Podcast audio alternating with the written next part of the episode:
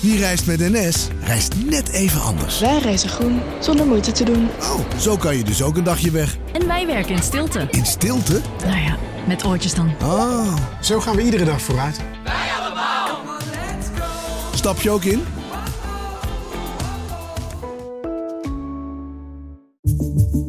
Vanaf de redactie van NRC het verhaal van vandaag. Mijn naam is Thomas Ruip.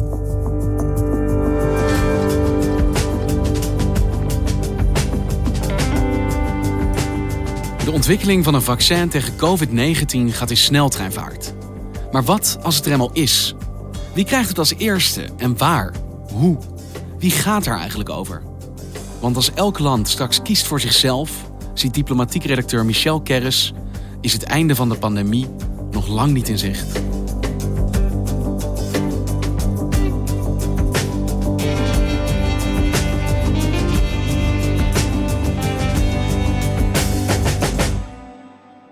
Michel, meteen met de deur in huis te vallen. De Yes. ontwikkeling van het vaccin, wat ik ervan meekrijg, lijkt razendsnel te gaan. Maar kun jij een balans opmaken? Hoe ver zijn we nu? Nou, als je in de wereld kijkt, er zijn een goede 140 onderzoeksprojecten bezig. Twee hebben al een werkbaar vaccin opgeleverd. Dat is namelijk een Russisch vaccin, wat alleen in Rusland verspreid wordt. En een Chinees vaccin, dat alleen voor het Chinese leger eh, ter beschikking is. Er zijn een pakweg acht veelbelovende westerse projecten. En die zitten in de laatste testfase. En dat wil zeggen dat ze testen op hele grote schaal. En als die vaccins klaar zijn, af zijn, blijken te werken, Ja. wat gebeurt er dan? Je moet je voorstellen, we hebben, er zijn 7,8 miljard mensen op de wereld. Zo'n vaccin gaat vaak in meerdere doses. Hè, dat je hebt meerdere flesjes nodig. Je krijgt meerdere prikken in één behandeling.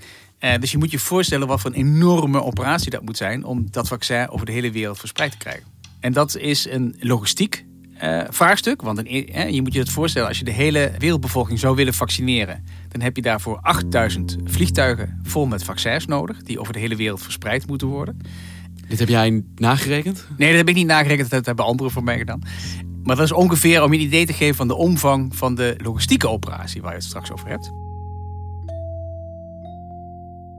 En hoe ingewikkeld gaat het worden om al die vraagstukken die jij noemt te beantwoorden straks? Nou ja, kijk, voordat we die vaccins in die vliegtuigen hebben, is natuurlijk de vraag hoe gaan we ze verdelen? En nu ga je mij als redacteur internationale betrekkingen misschien meewarig aankijken, maar het is een wereldwijd probleem. Vraagt dat niet ook om een wereldwijde aanpak? Ja, ik vroeg het eh, eerder deze zomer aan eh Fekke Sijbersma, de coronagezant van de Nederlandse regering, hè, die dus druk was bijvoorbeeld om voor Nederland mondkapjes te krijgen. En hij zei, als je mij in januari gezegd had, straks heeft de wereld één probleem, alle landen hebben hetzelfde probleem, wat gaat er gebeuren? Dan had ik meteen gezegd, elk psychologieboekje zegt je, we hebben een gezamenlijke vijand, we gaan gezamenlijk optreden. En dat is niet gebeurd.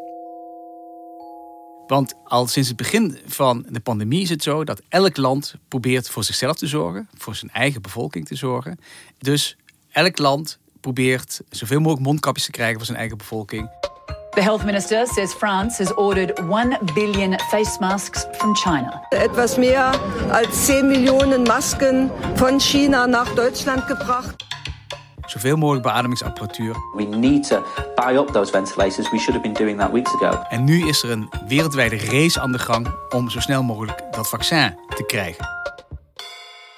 Want dat moet je bedenken. Zo gauw je je bevolking kunt inenten, op dat moment kun je de economie herstarten, kun je al die beperkende maatregelen die we hebben loslaten. Dus alle landen willen graag vooraan staan. En het startschot om die race van die vaccins heeft dus al geklonken. Want hoe begon dat? Ja, nou, hier waren de Amerikanen dus heel snel. It's called Operation Warp Speed. That means big and it means fast. Wat zij gedaan hebben, is de Amerikaanse overheid heeft meteen heel veel geld op tafel gelegd. En heeft gezegd, wij kopen gewoon in van alle vaccins, enigszins veelbelovende vaccins die er zijn. Its objective is to finish developing and then to manufacture and distribute a proven coronavirus vaccine. We think we're going to have some very good results coming out very quickly. Op voorwaarde dat wij natuurlijk ook straks de eerste dosis krijgen. Nobody's seen anything like we're doing now within our country since the Second World War. Incredible. Nou, dus de VS waren snel weg. Europa was langzamer. Europa begon natuurlijk zoals het in Europa gaat te overleggen. Eh, dat ging te traag. En toen hebben een aantal Europese landen, waaronder Nederland en Duitsland en Italië, die zijn bij elkaar gaan zitten en hebben gezegd van luister even, wij moeten nu ook iets doen. Dus die hebben met een klein groepje landen vaccins ingekocht. En toen zei Brussel, ho ho, wacht even, dat moeten we eigenlijk toch met z'n allen 27 van de Europese Unie doen. En sindsdien probeert Europa dus ook collectief voor de hele Unie in te kopen. At its core, joint action at EU level will allow all member states to increase the likelihood of finding an effective vaccine and to secure the necessary volumes for our citizens at a good price. Maar die run is dus eigenlijk al ontstaan voordat de vaccins er zijn. De schaarste is er al voordat het product af is. Ja, dat is dus het hele vreemde hieraan. Iedereen moet dus miljoenen uitgeven aan producten die er nog niet zijn. En waarvan ook de werking nog niet bewezen is. Meestal is het zo dat ongeveer 10% van vaccins die ontwikkeld worden in de praktijk dan ook daadwerkelijk aan het eind echt goed zijn. Maar omdat er het belang zo groot is in dit geval, om zo snel mogelijk iets op de markt te krijgen, zijn overheden bereid om op voorhand al heel veel geld te betalen. Nou, dat is natuurlijk een kostbare aangelegenheid. En het ligt voor de hand, dat kunnen rijke landen wel en arme landen niet. En we krijgen dus het risico dat we straks in de rijke wereld een vaccin heeft en dat de arme landen er achteraan hinken. Dus dat gaat betekenen dat in de toekomst rijkere landen eerder beschermd zullen zijn tegen dit virus en ook eerder af zullen zijn van het virus dan de armere landen. Dat gaat de verdeling mogelijk worden. Nou, de verdeling gaat waarschijnlijk worden rijke landen eerst, arme landen daarna als het gaat over het vaccineren. Maar het addertje onder het gras hier is natuurlijk dat je de hele wereld moet vaccineren om van dat virus af te komen. Kijk, je hebt er niks aan als het Westen dadelijk heel mooi gevaccineerd is en dat virus steeds maar weer via handel, via toerisme weer bij je terugkomt. Dus uiteindelijk moet iedereen een vaccin krijgen. Een pandemie blijft een pandemie tot het moment dat eigenlijk iedereen, elk land, daartegen beschermd is. Precies, ja. En wat zou een effectievere verdeling zijn? Want het klinkt nu alsof dat dit niet is. Op het moment dat rijke landen eerst gaan, maar daardoor eigenlijk het wereldwijde probleem pas later verholpen gaat worden. Uh, ja, nou ja, er zijn inmiddels modellen uh, beschikbaar. waarin uitgerekend is van als je nou de eerste dosis vaccins gaat verdelen zoals het nu gaat. dan zul je het sterftecijfer terugbrengen met 30% ongeveer. dus dan gaat alles wat je produceert gaat naar rijke landen eerst. Mm als je nou die eerste lading verspreidt over de hele wereld, een beetje elk land geef je iets afhankelijk van de bevolkingsomvang, je verspreidt het dus echt eerlijk, dan daalt het sterftecijfer met 60%. Dus dan ben je twee keer zo effectief met dezelfde hoeveelheid vaccin. Dus wereldwijd zouden er op die manier veel minder mensen sterven? Ja, een hele rationele en eerlijkere en effectievere eh, methode zou zijn om het eerst ook nog aan kwetsbare groepen te geven. Dus deze ziekte is veel gevaarlijker voor oudere mensen dan voor jongere mensen. Dus geef je oudere mensen eerst een vaccin. Je hebt een kwetsbare gezondheidszorg. Mensen die in de zorg werken zijn extreem kwetsbaar hiervoor. Dus geef je de gezondheidszorg. En zo kun je dus ook een veel logischere, vanuit gezondheidszorg, optiek verdeling creëren. En hoe zou dat vorm kunnen krijgen? Wie zou zo'n strategie kunnen uitstippelen? Wie zou dat nou ja, voor de wereld kunnen bepalen? Ja, nou, dat is nou het grote probleem. Die instelling hebben we niet in de wereld. We hebben de Wereldgezondheidsorganisatie, de WHO. Maar dit is een adviesorgaan. Dit is dus geen inkooporganisatie, dit is geen verdelingsmechanisme. Ze kunnen zeggen van, uh, zo zou je het moeten doen. Dit zijn onze medische adviezen. Zo zouden we internationaal kunnen samenwerken. Dit is de meest optimale manier om COVID te bestrijden, om zo'n vaccin in te zetten. Maar ze kunnen het niet afdwingen. De politieke macht hebben ze eenvoudigweg niet. Maar de WHO is niet helemaal uh, alleen. Er is nog iemand die hier iets aan probeert te doen. En dat is Bill Gates. Microsoft, Bill Gates. Microsoft, uh, Bill Gates. Dankzij Microsoft een van de rijkste mensen ter wereld geworden. En heeft jaren geleden al bedacht van ik eh, wil met dat geld iets doen. Heeft een stichting opgezet en spant zich in voor verbetering van de gezondheidszorg in landen met lage inkomens.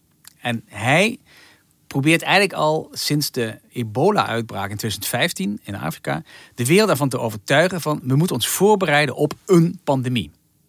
Nou, daar heeft hij van alles voor geprobeerd. Er zijn ook verschillende kleine aanzetten voor internationale samenwerking gekomen. Maar het was niet genoeg. En, en eigenlijk is het probleem een beetje in de vergetelheid geraakt. We hebben gewoon toen als wereldgemeenschap niet doorgezet. En hij zegt nu, kom op, dit is nu het moment om proberen het toch samen op een of andere manier aan te pakken. To end this pandemic, of course, we're going to need global cooperation.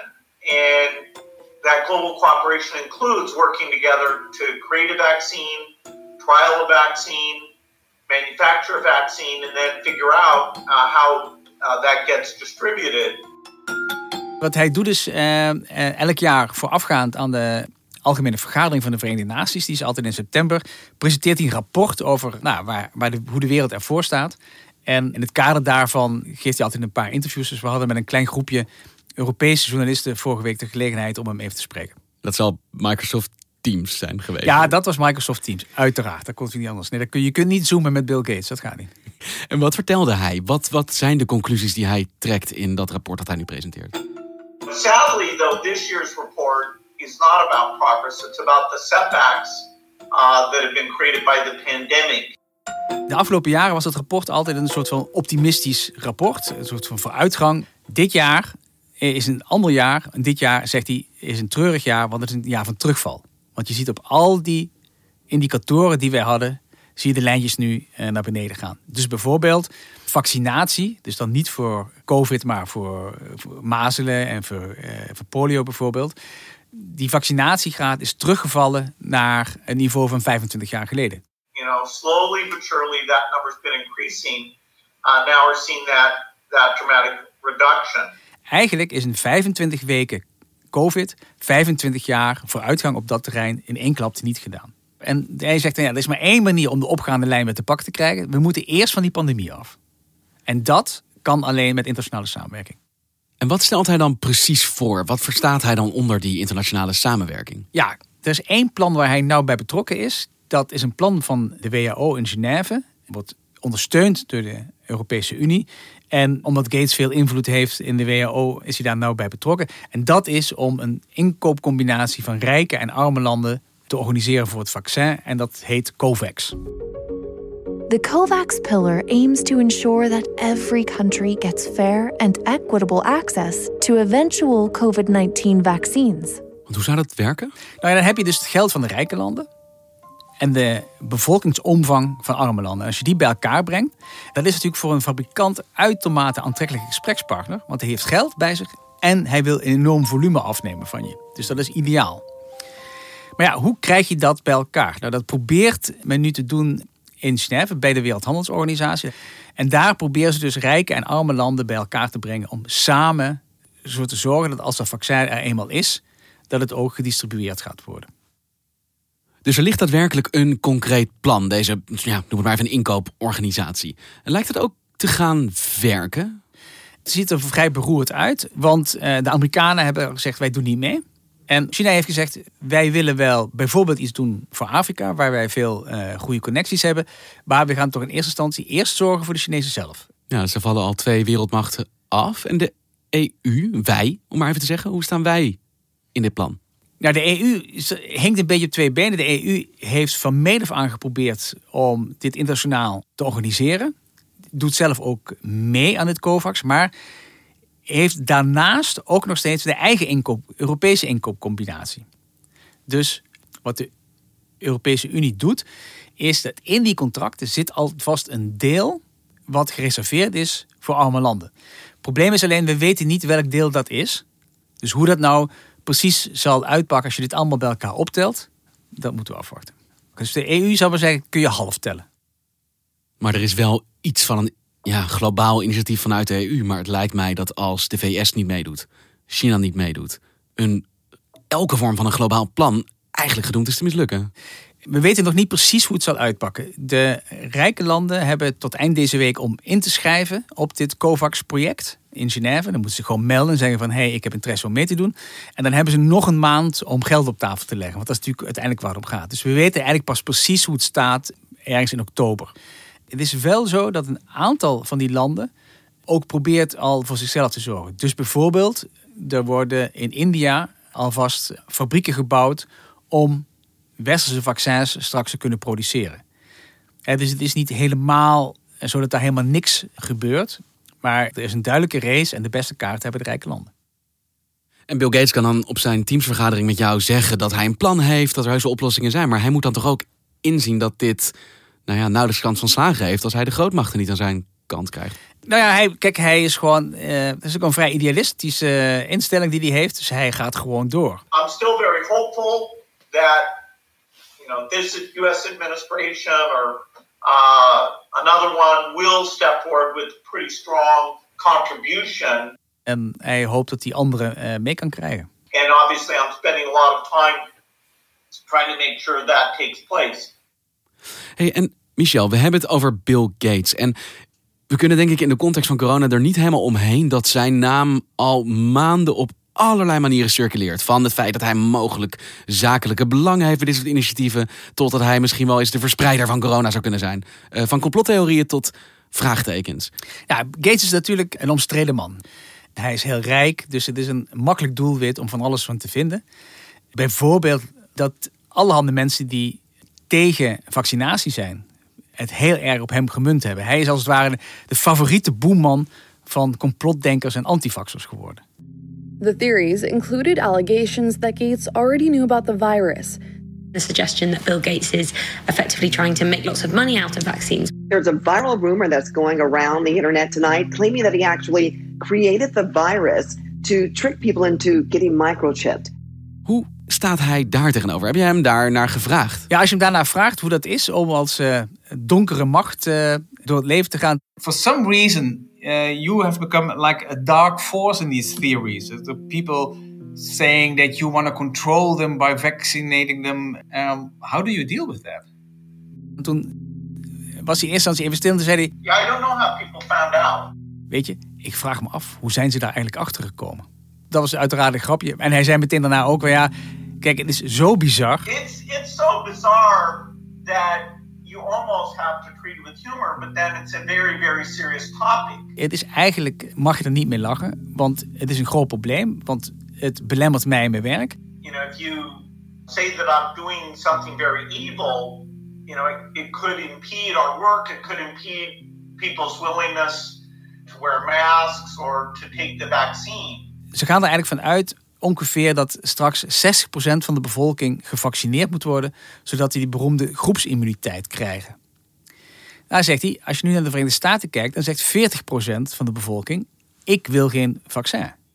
Those levels would prevent us from getting the broad uh, immunity levels that we really need. Het verspreiden van die complottheorieën helpt dat natuurlijk niet. Dus hij zoekt eigenlijk, hij heeft er geen antwoord op, hij zoekt eigenlijk naar een manier om die complottheorieën uh, te ontzenuwen. En wat hij dan doet is, dan komt hij met een hele lijst uh, rationele argumenten. De vraag is natuurlijk of je complotdenkers met rationele argumenten uh, van hun complot kunt afbrengen.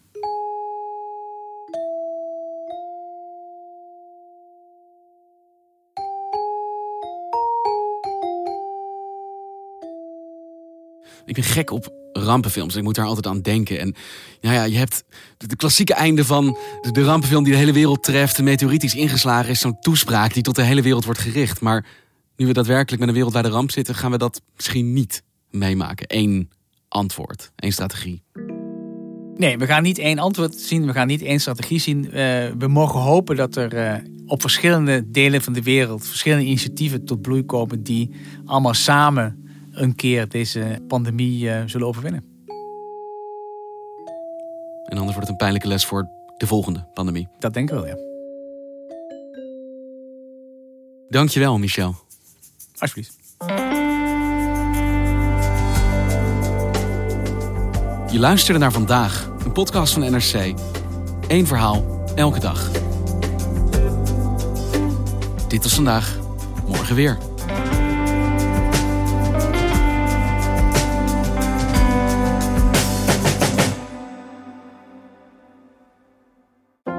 Maatschappij waarin iedereen meedoet.